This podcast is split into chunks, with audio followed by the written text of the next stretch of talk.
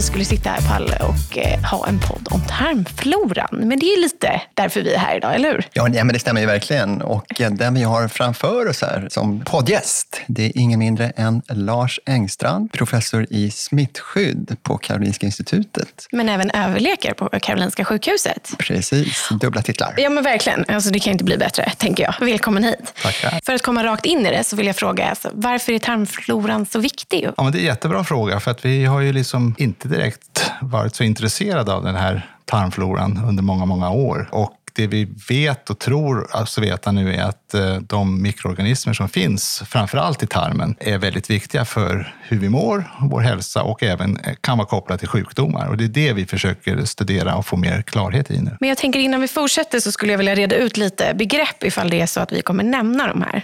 Så hör nu Palle, alltså du kommer bli så imponerad av mig nu.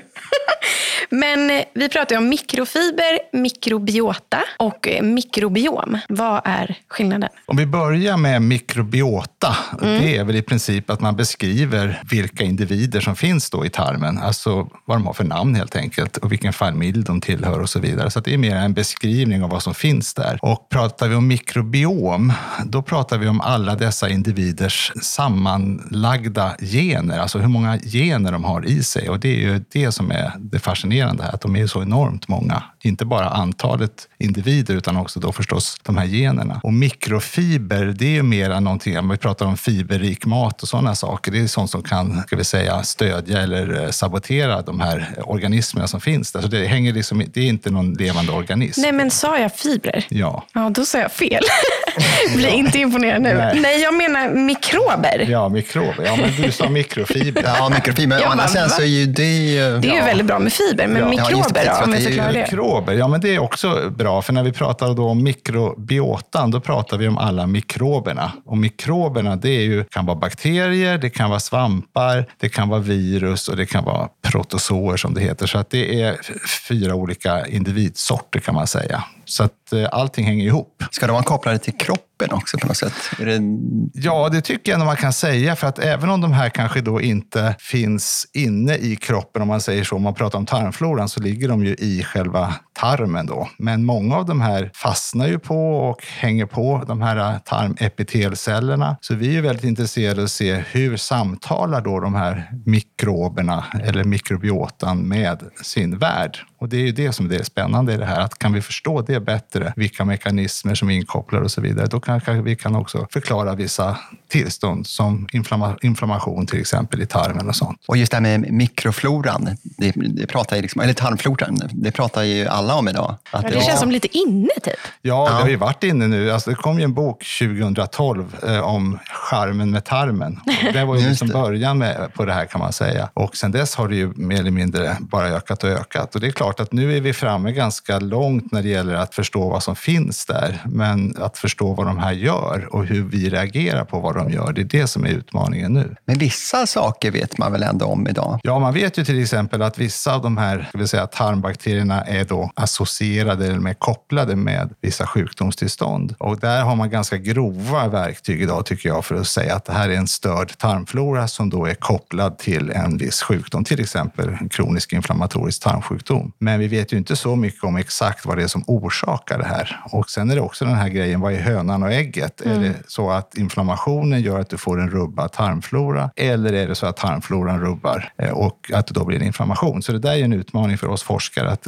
bena ut det där. Mm. Men jag tänker, hur kommer det sig att du börjar forska kring det här? Ja, men det är ganska intressant. Jag har ju då spenderat nästan 30 år av mitt liv att försöka ta död på bakterier. För mm. att jag mm. menar, det är det som många av oss i den här branschen som tittar på kliniska diagnostiken, vi vill hitta de här sjukdomsframkallande bakterierna och så vill vi ta bort dem och i princip eh, ja, behandla bort dem på något sätt. Oftast med antibiotika, om vi pratar bakterier nu. Men sen kom ju då magsårsbakterien 1980 83, 84 där och då var jag intresserad av att studera den där. Och ingen var egentligen intresserad eh, av vad som händer i magen. För att jag menar, när jag läste medicin så sa de att magsäcken var totalt steril. Det finns ingenting som lever där. Men nu visar det sig att den här magsårsbakterien faktiskt orsakar magsår och inflammation. Och Eh, det ledde också till Nobelpriset 2005 sen. Så att de som upptäckte dem, Warren och Marshall, eh, var ju väldigt tidigt ute och ändrade ju, eh, var ju paradigmskifte hur man då såg på magsår. Och sen så efter det så börjar man då fundera på, ja men om halva jordens befolkning har den här magsårsbakterien, det kan inte vara så att den bara orsakar skada. Den måste ju finnas där av någon anledning. Och då finns det faktiskt här på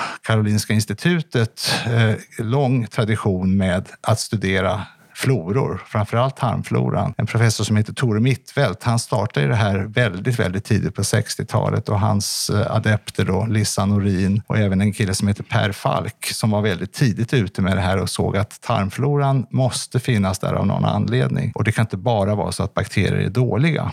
Så att den traditionen har funnits här på Karolinska länge. Men det är med de här nya molekylära verktygen som vi nu kan börja studera det här på ett annat sätt. Men egentligen så gjorde de här personerna samma upptäckter som vi gör idag, fast med lite annan teknik för 50 år sedan här på Karolinska. Men hur avgörande är de här bakterierna för vår hälsa då? Ja, men vi tror ju det att man, vissa av de här bakterierna behövs ju för att vi ska kunna få en, ett utvecklat immunförsvar till exempel. Så vi är väldigt intresserade av att studera vad händer tidigt i livet, alltså det nyfödda bebisen.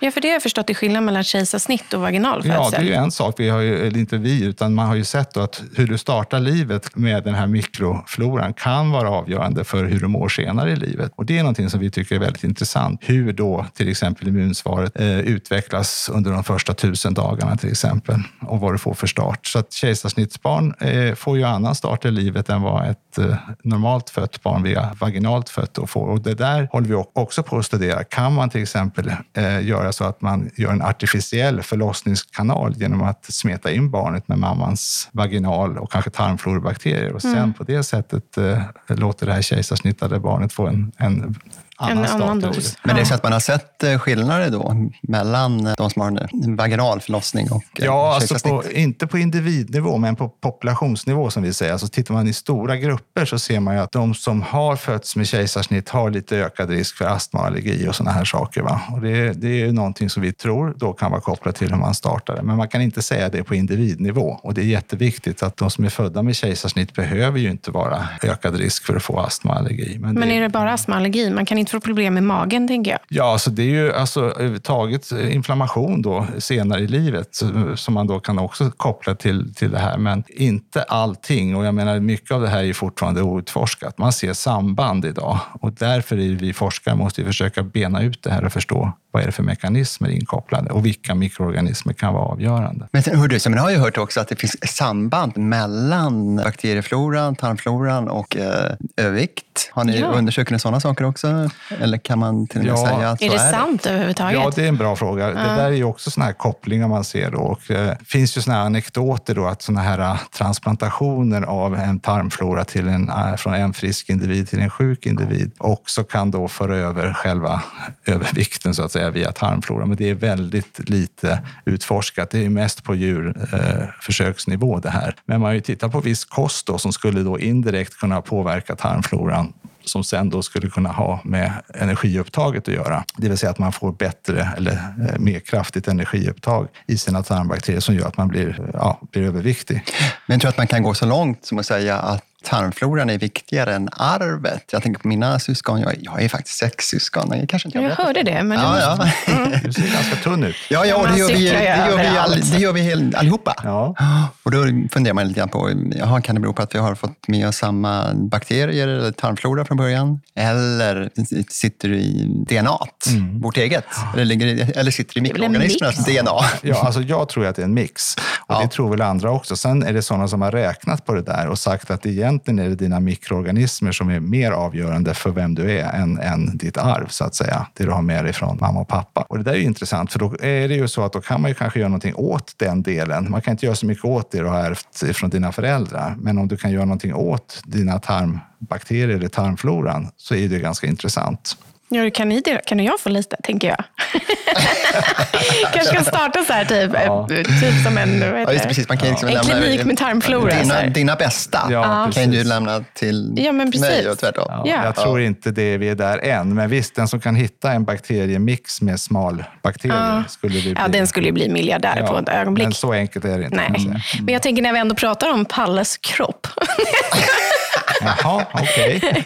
Nej, men hur är det med träning då? Påverkar det tarmfloran? Ja, det är sådana som studerar det också. Vissa sådana rapporter finns det ju, att maratonlöpare har eh, liksom lyckats få, få, ja, få till en bättre tarmflora och så vidare. Men det är ganska små studier och det, vi är faktiskt intresserade av att titta på det också här på mm. Karolinska. Om till exempel extremt hård träning kan ha någonting med din komposition av tarmfloran att göra? Så det är en bra fråga, men vi har inga eh, svar på det. det är, finns... det, är det typ som att man får endorfiner, eller vad heter det, i tarmen? Då? Endorfiner. Ja, det är ju intressant, ja, för det är ju det som kickar igång många ja, att fortsätta precis. träna. Om det är kanske är mm. bakterierna som producerar dem. Ja. ja, det, är jätte, det borde vi forska på. Det tycker jag, för då vill jag ha alla dina bakterier, Palle. Han tränar ju jämt, jag gör ju inte det. Men är du glad jämt? Det är nästa fråga. Ja, jo, nej, men jo det okay. finns nog samband där också. men det är också något som är intressant, det här med mage och hjärna. Gut-brain mm. axis som, som, man pratar om. Det är också något som man börjar diskutera. Finns det då bakterier i tarmen som påverkar hur du mår? Ja, för när vi ändå är inne på hjärna och tarm, så har man ju, förr trodde man ju att det var en envägskommunikation på något mm. sätt. Men nu har man insett att det är tvåvägskommunikation mellan ja. tarm och hjärna. Kan du utveckla det?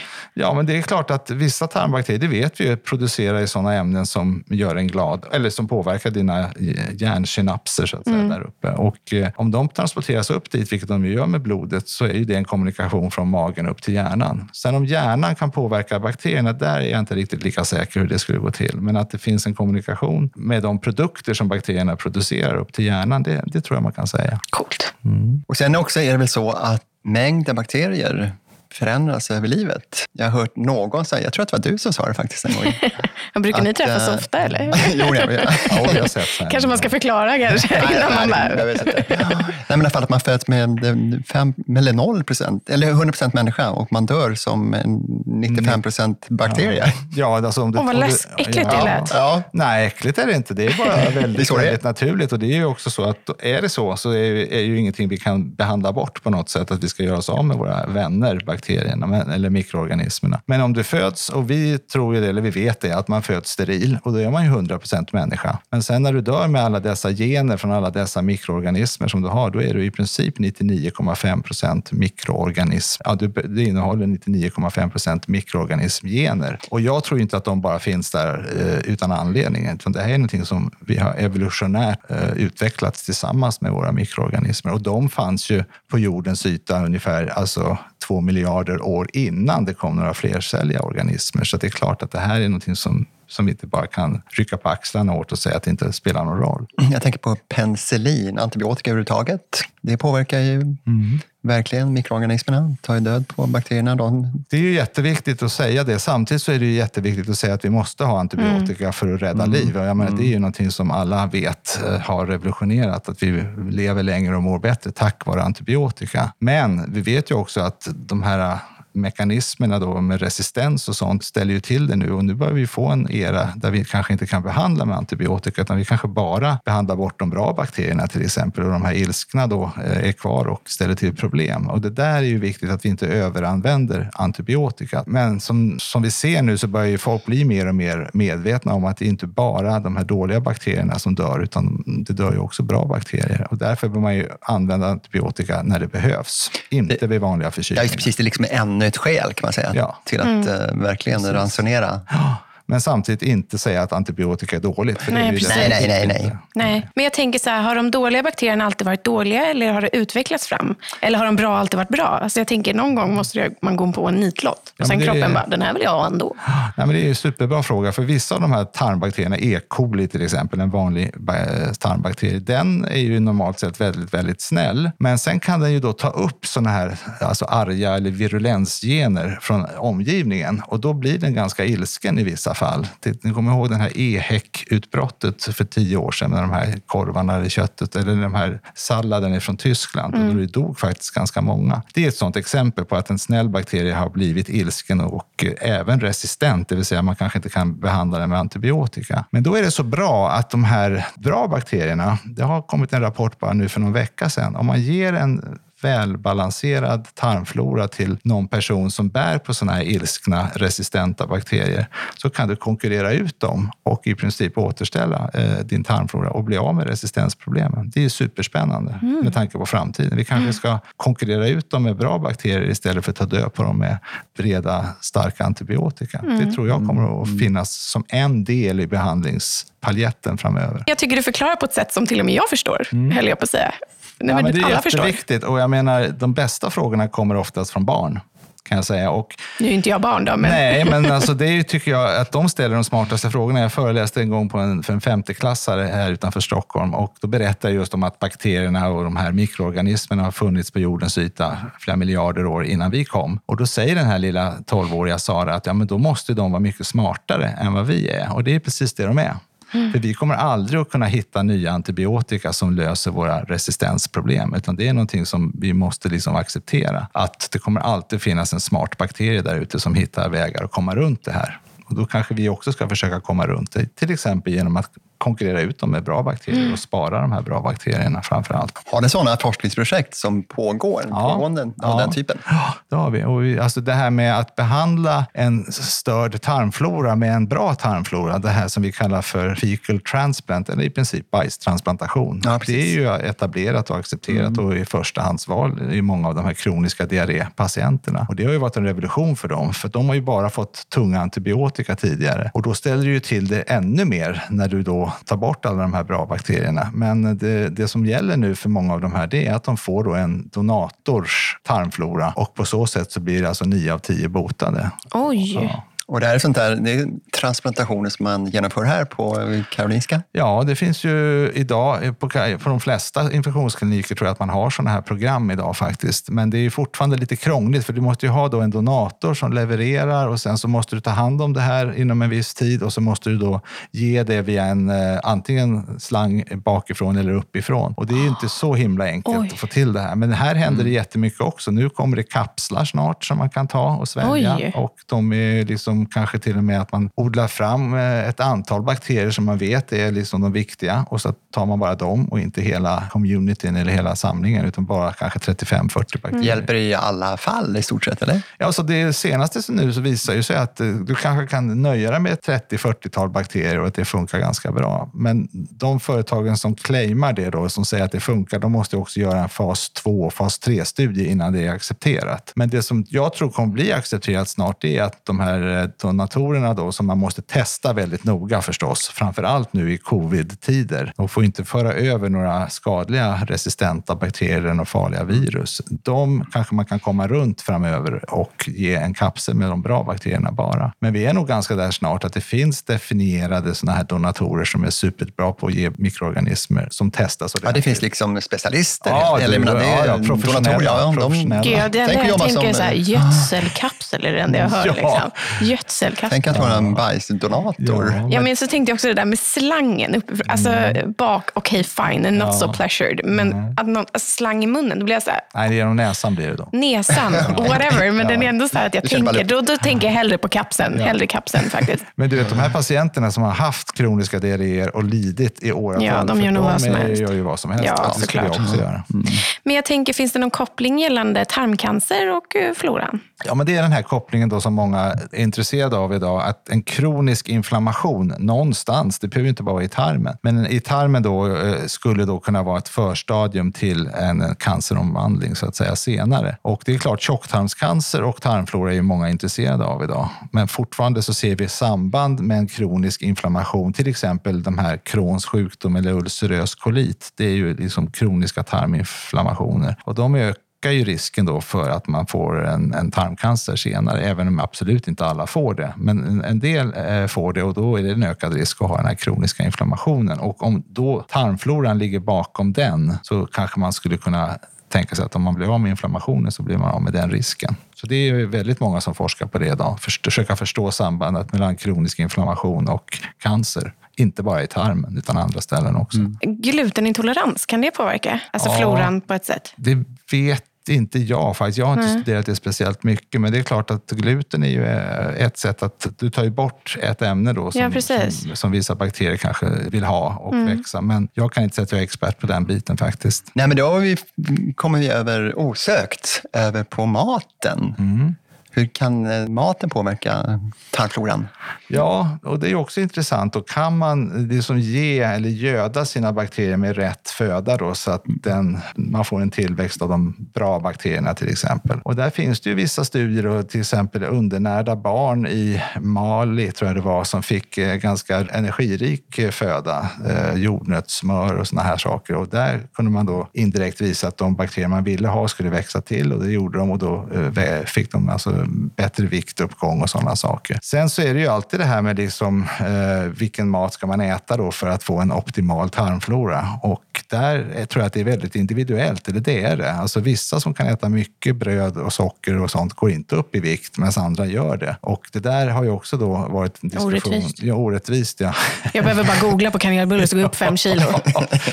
Men som sagt, det är, det är väldigt individuellt hur man då svarar på en sån eh, diet eller om man ändrar sin, sin, eh, sin diet. Och det, när man utläser då oftast, det är ju vikten eller känsligheten för insulin. Och där kan man då se väldigt individuella variationer. Och hur mycket tarmfloran är involverad i det där, det vet man inte riktigt idag. Men det är också någonting man vill göra. Men man brukar snacka om eh, fiber ja. som någon slags probiot prebiotika. Ja, man säga, ja, Men nu får, vi, nu får vi pausa lite med namedroppingen här, eller, ja. eller orddroppingen. Vad heter det?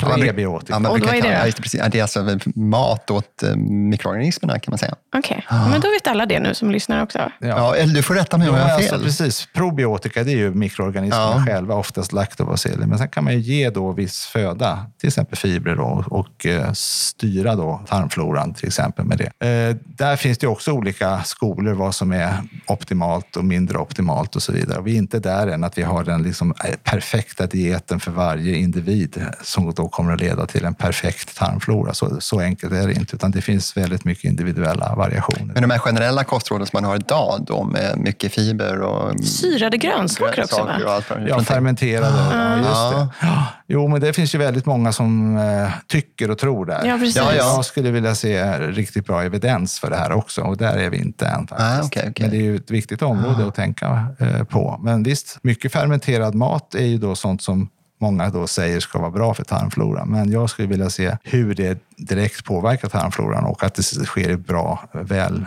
designade studier. Och där är vi inte riktigt än. Där är vi inte riktigt än, men jag tror att vi är redo för tre snabba. Ja! ja. Oj då. Läge för det. Ja, läge för det ville äta middag med, död eller levande? Louis Pasteur, alltså han som upptäckte, kan man säga, mycket tidig eh, forskare inom mikrobiologin. Jag skulle vilja höra hur han tänkte och, och, hur han reagerade när han såg de här små mikroorganismerna, vad de gjorde. Så det skulle jag gärna vilja göra. Intressant. Han är ju död sedan länge. Ja, men det, man får träffa dem också och äta middag. Ja. Det kan vara en döende middag, höll jag på att säga. döende middag. Vad tänker du på om jag säger socker? Ja, det är ju väldigt attraktivt eh, för min egen del. Jag gillar ju smågodis och sånt där, men det är klart att eh, för mycket socker är inte bra heller, så jag tänker väl eh, in between, mittemellan. Bakterier? Ja, men jag gillar bakterier. Snyggt! Palle, jag lämnar över scenen till dig. Framförallt de goda då förstås. Ja, precis. Vem skulle du helst vilja fika med? Statsministern Stefan Löfven eller eh, blivande nobelpristagaren i medicin, fysiologi? Ja, men det är klart, det vore väldigt trevligt att få fika med den blivande nobelpristagaren. För det kan ju bli någon inom mikrobiomfältet. Det kunde ju vara smart att ta Löfven och få lite pengar till forskningen, tänkte jag också. Ja.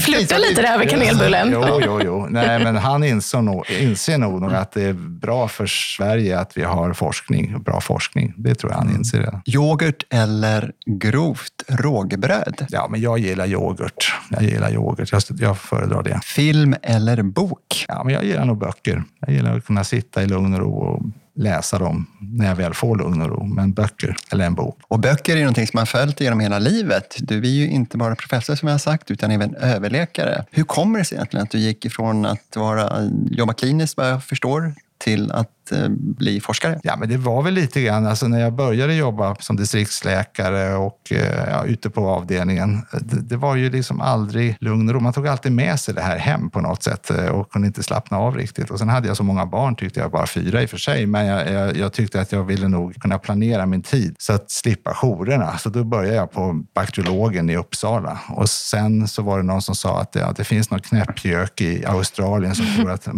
magsår orsakas av en bakterie. Det kan vi du ta reda på. Och så började det. Så, så, så började jag läsa in mig och sen eh, är det på den vägen. Sen var jag fast i den här mikrobioma, i mikrobiomvärlden. Och ni är ganska många som håller på här. Hur många är ni i din grupp? Ja, men vi har ett centrum för translationell mikrobiomforskning här på KI som jobbar med dels att göra stora studier, att samla in material från individer som har eller inte har sjukdom. Vi är väldigt intresserade av att titta vad händer under graviditet? Eh, finns det mikroorganismer som är avgörande för om det blir graviditetskomplikationer, till exempel för tidig förlossning? Eh, Oj, vad intressant. Och sen jobbar vi också med tarmfloran eh, vid kroniska inflammatoriska tarmtillstånd. Så vi jobbar både med ska säga, kvinnohälsa eller reproduktiv hälsa som det heter och även då mag-tarmkanalen. Så vi har två fokus här och vi är väl eh, idag 25 personer som jobbar. Och gravida kvinnor, de vill ni gärna komma i kontakt med? Ja, vi har en studie som heter Swe Mami, Svenska mammor och mikrobiom, där vi faktiskt har snart 4 000 kvinnor som är med Oj. i den studien, som vi har följt under hela graviditeten. Men vi behöver ännu fler? Ja, absolut. Vi kommer nog att avsluta nu under året, men eh, då har vi alltså flera tusen kvinnor som vi då kan titta på. Dels hur en normal graviditet ser ut och vad händer med tarmflora, men även det som finns i munnen och i vagina. Så vi tittar på de tre ställena och så har vi frågeformulär och så kan vi då följa graviditeten och se om det blir en, till exempel en tidig förlossning eller inte. Kan det kopplas då till de här eh, tarmbakterierna eller det som finns i vagina? Så det är väldigt mycket. Och sen håller vi också på att försöka förstå, kan man behandla bort bakteriell vaginos som är ett jätteproblem för många mm. unga tjejer med en sån här transplantation av bra bakterier? Så det är också någonting vi, vi jobbar med. Men det kanske blir lite som 2.0, de som kom på alltså med barnadödande att vi skulle tvätta händerna. Mm. Sen kommer du där och bara så här, men hörni, det finns i bakterierna i tarmarna. Ja. Alltså så här, minska, ja, men det är helt magiskt. Jag blir alldeles, ja. Men vi ska ju inte ta bort att vi ska tvätta händerna. Nej, men gud nej. nej. Men jag tänker så här, hur vi har utvecklats ja, ja. med att de, de delade upp kvinnorna. Mm. De här tvättar vi händer är vi väldigt noga med och de, och de här fortsätter som vanligt. Mm. Och där dog liksom barn och kvinnor framför allt. Medan de som var rena, då var det så här, vi kanske ska vara, när vi förlöser barn så Precis. kanske vi ska vara rena mm. och vara liksom sterila. Då tänkte jag att det här blir ett Nästa. steg med. Jo, nej, alltså, tanken fascinerar ju kan vi till exempel hjälpa en eh, förlossning att bli normal genom att kanske göra en intervention med tarmbakterier i det här fallet, eller vaginalt transplantera? Det vet vi inte idag, men det är väldigt viktigt. Eh, och även när det gäller till exempel assisterad eh, befruktning, alltså IVF. Vissa går det ju väldigt snabbt för och andra har ju väldigt svårt att bli gravida. Finns det någonting där med mikroorganismerna som kan hjälpa dem som har svårt att bli gravida? Har ni sett någonting gällande det nu? Ja, vi håller på med sådana studier faktiskt mm. i samarbete med Rikshospitalet i Danmark där vi då studerar sådana par då som söker för att eh, kunna bli gravida. Och där är ju självklart en mikrobiomet med då som, vi, mm. som en medspelare som vi studerar. Varför valde ni Danmark och inte Sverige? Ja, vi ska göra det i Sverige också nu. Mm. Så vi har eh, precis en doktorand som startar upp på det här i Sverige. Ja, för jag tänker Danmark är ju väldigt, vad jag vet, väldigt många ensamstående kvinnor, mm. framförallt från Sverige, som åker och gör IVF. Mm. Men det är klart det finns par där också. Ja, ja. Nej, men som sagt, det är ju ett jätteviktigt område och många eh, blir ju väldigt förtvivlade när det inte funkar. Kan vi då hitta någon orsak? Det vet vi inte än, men alltså, vi vill ju studera den eh, faktorn också i, hos de här paren eller hos de här kvinnorna. Då. Och där eh, får vi se. Vi, vi jobbar med, med dem nu. Det är ju helt magiskt. Jag tänkte ju inte när vi skulle börja den här podden och prata tarmflora att vi, Gud, är kvinnohälsan. Nu går jag igång ordentligt. Jo, nej, men, eh, nästan 70 procent av det vi gör i forskargruppen är kvinnohälsa. faktiskt. Mm. Mm. Mm. Gud. Men det är ju, jag tänker under de här tiderna har ni också ställt om lite där nere i labbet. Ja, inte så lite heller. Nej, kan du berätta vad det är? Varför det? Nej, men vi blev ju kontaktade då av sjukhuset här i mars när det började med covid och då sa de att vi har lite problem att hinna med här. Kan ni hjälpa oss lite grann? Och vi hade ju de här maskinerna här uppe som ju kan göra väldigt mycket snabbt i stor skala med covid-analyser, alltså då sars-cov-2 i näsan och svalget, inte antikroppar. Och då eh, så tog vi och rullade igång det där och fick ju ganska snabbt upp kapaciteten till 5-6 tusen prover om dagen. Och I början var det ju lite svårt att få igång Sverige och börja testa. Men nu så är det ju, nu har vi full, full fart här uppe och vi gör ju nästan 25-30 procent av Sveriges analyser här uppe på vårt labb nu. Vilket ju är både bra och lite dåligt för forskningen. För ja, vad händer liksom, med tarmen? Eller vad ja, min stack, ja, den stackars tarmen. Ja. Men den, den ska vi nu ta tag i igen och börja eh, kombinera. Men vi, vi, vi har jobbat stenhårt med, med covid-testning. Ja, och det märks när man kommer hit till eh, Karolinska institutet att mm. det är ju eh, härligt, eller härligt ska jag inte säga, men en sprudla, det är många som sitter och jobbar med de här. Det är mycket extra personal som är inne som håller på med analyserna. Ja, och som sagt, det är ju kul också. När vi gjorde en undersökning vid Umeå universitet här nu för två veckor sedan där vi analyserade ja, nästan 10 000 prover och hittade två positiva. Och det är klart mm. att den informationen är ju väldigt viktig. Att så där ser det nog ut i samhället idag. Vi kanske har ganska liten smitt, eh, smitta där ute och det är viktigt att följa den också genom att testa mycket. Så att vi hoppas ju att man ska kunna få ett grepp om hur det ser ut i Sverige genom att testa mer också. Och hade det här kommit igång tidigare så hade man kanske fått ännu bättre koll och kanske även kunnat förebygga? Ja, det är många som diskuterar att vi kanske ska ha testat mer och tidigare och det kan jag nog hålla med om. Och där tappar vi lite fart, men, men nu är vi där och uh, Sverige ser ut att ha det ganska bra, bra läge just nu i alla fall. Mm. Det hade man kunnat tagit upp eller över kanelbullen med Stefan Löfven. Just det, precis.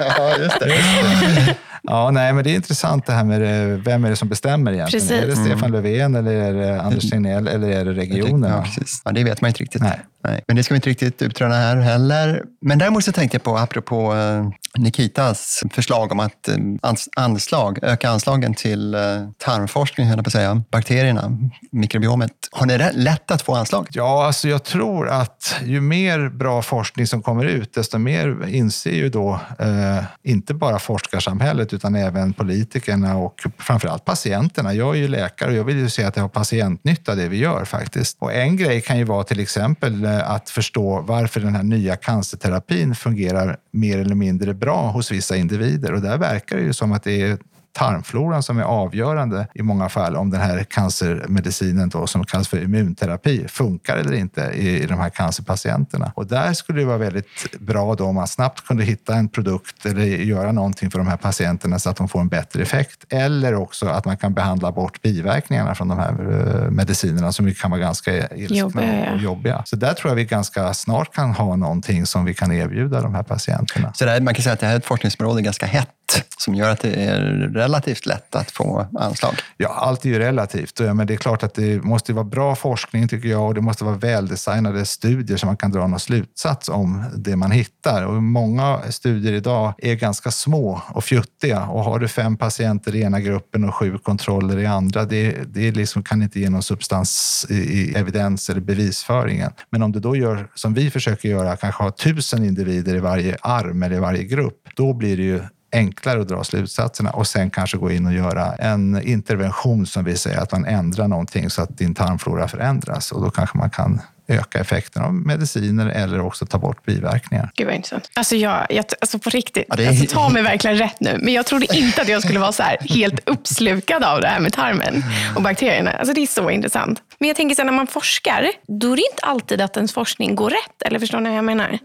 Blir man väldigt besviken om man säger, ja, men låt oss säga nu att vi tror att eh, tarmfloran påverkar det här med IVF och allting sånt. Och man vill på något sätt bara hitta det där botemedlet eller göra den där uh, transplantationen. Och sen så bara, nej, fasiken, nu har vi forskat hur länge som helst. Det var inte så. Mm, nej, men det Blir man besviken? Det är klart, alltså, och det, alltså, som forskare så måste man ju vara inställd på att det går ju inte alltid som man har tänkt sig. Och det är ju de flesta forskare självklart medvetna om. Samtidigt så kan det vara frustrerande om man är nästan framme och kanske inte har resurser eller möjligheter att knyta ihop påsen. Och det är väl det som är den stora frustrationen många gånger, att man har kommit nästan ända fram och skulle vilja göra det lilla sista och så har man inte resurser eller personal eller kompetens att göra det. Det är därför jag tror att det är viktigt att man jobbar translationellt, som vi kallar det, både grundforskare och kliniker, alltså som möter patienterna, att man jobbar tillsammans. Och den där eh, biten försöker vi då eh, etablera, eller har nu etablerat här sedan fem, sex år tillbaks. Att man jobbar nära de kliniska kollegorna, men med de bästa grundforskningsverktygen. Och det finns ju här på Karolinska och på SciLife Lab. Så vi har ju väldigt bra förutsättningar i Sverige. Och dessutom så har vi våra fina register och det är någonting som många andra länder verkligen suktar över att de skulle vilja ha. För då kan vi gå in och leta efter en viss patientgrupp där och så kan vi hitta då kanske sådana som har gjort någonting. Vi har väldigt mycket information i de här registren också oftast och då kan man då få en hypotes och sen kan du då testa den hypotesen i våra labb med våra modellsystem. Så, att, så hur lång tid tillbaka? Ja, alltså vissa av de här, till exempel det finns ett register som heter eh, förskrivningsregistret. Där har du information om alla recept som har skrivits till alla svenskar eh, sedan 2005. Oj. Och det är ju jätteintressant om man då tittar på varför om man, nu, om man nu vet att vissa läkemedel har en effekt på tarmfloran, som till exempel antibiotika, men även sådana här syrareducerande tabletter. Det finns många mediciner som vi vet påverkar tarmfloran. Om man då kan titta på de individerna i de här registren och se, okej, okay, vad hände då 15-20 år senare? Dyker de oftare upp i någon sjukdomsgrupp eller någonting annat? Då kan man liksom se det här sambandet. Och det är de här registren kombinerat med att vi kanske eh, också kan ta prover på de här individerna om man då bjuder in dem i en studie sen. Det är det som gör svensk forskning väldigt unik och skandinavisk kan vi säga. Så det här var ett litet försprång gentemot uh, ja, Inte så litet heller ska jag säga. Alltså, det är det här som gör att vi kan kanske göra de här studi avgörande studierna som gör att vi får uh, fram bevis eller evidens för att det här faktiskt är viktigt för, för hälsa och sjukdom. Så att, och det tror jag också att forsk de som bestämmer om forskningsfinansieringen förstår att det här försprånget vi har är värt väldigt mycket. Och många av mina utländska kollegor de säger liksom, ja, men ni har ju en guldgruva i Sverige som har de här registren. Det gäller bara att utnyttja dem på rätt sätt och göra det på ett eh, etiskt rätt sätt. Och eh, det, det försöker vi göra. Det, och det verkar som att ni har politikerna på er sida just nu. Det har varit lite extra anslags eh, ja, alltså till 3, forskningen. 3,5 miljarder skulle gå till forskning. Det, ja, jag hoppas jag kom, att det blir bra forskning av det också. Ja.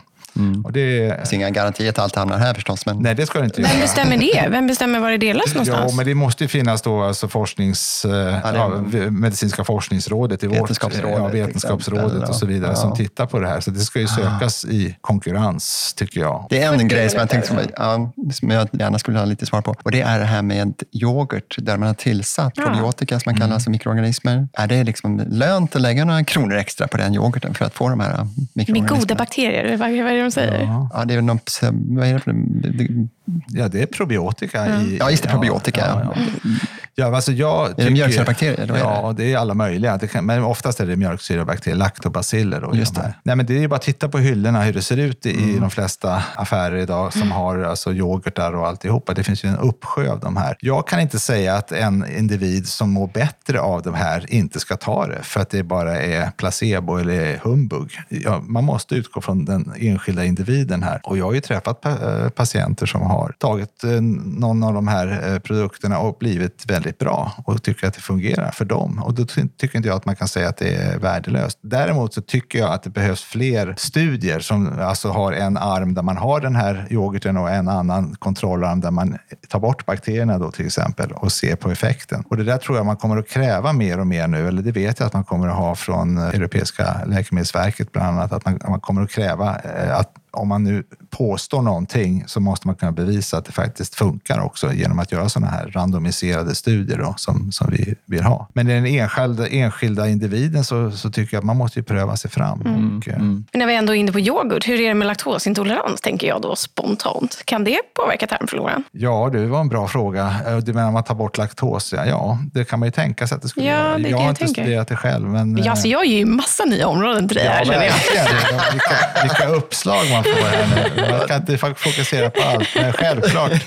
Så eh, det är väldigt intressant det här också. Alltså, när jag var liten så fanns det inte så många allergiska och överkänsliga. Nej. Alltså när man nu går och ska ut och äta så är det ju alltid mm. en fråga. Har du några allergier? Vad beror det på? Det är klart, en tanke slår ju en att vi kanske har tagit bort för många bra bakterier idag och det är därför vi ser den här ökningen. Av Eller man vet ju bara när betongindustrin till exempel, alltså ja, gala, galaföreställningar. Det, det är ingen som har specialkost eller är allergisk. Nej. De, de, de, får liksom inte lov. Nej, nej, men alla den här halvfabrikat, snabbmat. Uh. Det är klart att din tarmflora blir väl lite... Och så på toppen av det då massa eh, mediciner som kanske mm. gör att... Och det finns ju en bok som heter eh, Missing Microbes, alltså vi har förlorat våra mikroorganismer av Martin Blazer. Och den boken är ganska intressant för han säger ju det att de här sjukdomarna vi ser idag, övervikt, allergi, inflammationer och sånt, tror han beror på att vi har överanvänt antibiotika, att vi har mm. i princip tagit död på våra bra bakterier. Är det bara det tror du, eller kan det också hänga på kosten? Ja, jag, jag tror att det är en kombination. Va? Men det är klart att de här sjukdomarna som vi nu ser kom ifrån 50-60 år tillbaka, de fanns ju nästan inte förut.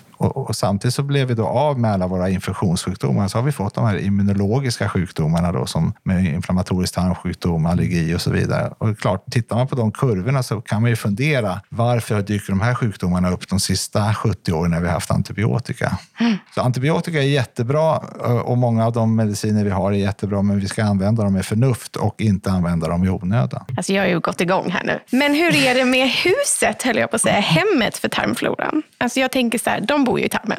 Mm. Det, det säger sig lite själv, tänker jag. Men om man gör till exempel en gastric bypass, då tar det ju bort så stora delar.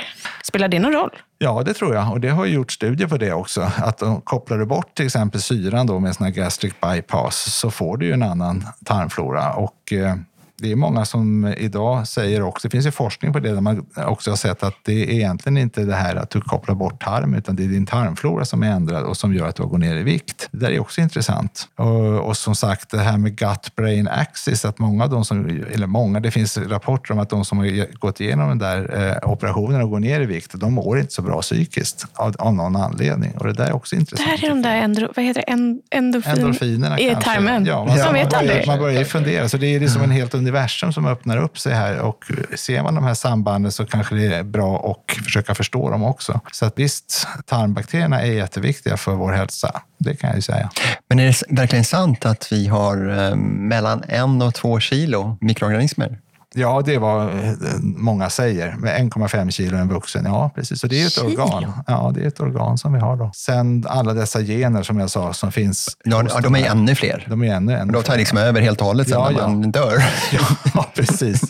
Nej, men det är fascinerande att tänka sig att vi har gått omkring med det här under alla dessa år och sen liksom negligerat det här. Men jag tror att eh, nu kommer det hända mycket de närmaste åren och snart tror jag den första mikrobiomläkemedlet kommer att vara ute där vi då alltså kan styra styra mikrobiomet på något sätt så att vi behandlar en sjukdom. Det tror jag kommer att vara inom några år. Det här låter som en väldigt spännande framtid mm. och ett forskningsfält som eh, precis har öppnats kan man nog säga. va? Ja, jag tycker att det har hållit på ett tag. Jag har hållit på nu sedan eh, ja, tio år ungefär, sedan vi började med det här. Och jag har tyckt att det har gått lite långsamt ibland. Men jag förstår ju också att man kan inte liksom forcera forskningen utan man måste göra de här väl underbyggda studierna. Och det är väl det som har varit lite dåligt med dem tidigare. Men nu börjar det komma stora studier, många faktiskt från Skandinavien och Sverige, där vi då har den här som jag sa, translationella kopplingen mellan register, behandlande läkare och grundforskare. Och det är precis det som behövs nu. Sen kommer det att bli någonting i framtiden som jag tror eh, kommer bli mer och mer intressant. Det är någonting som heter precision medicine eller precisionsmedicin. Att man kommer att titta på varje patient individuellt och inte säga att alla kvinnor i 45-årsåldern ska ha den här medicinen. Mm. Utan man kanske ska titta på den individens förutsättningar att få den här medicinen. Och där tror jag också mikrobiomet kommer att finnas med i, den, i det paketet paketet kring precisionsmediciner. Det låter som det perfekta avslutet för denna podd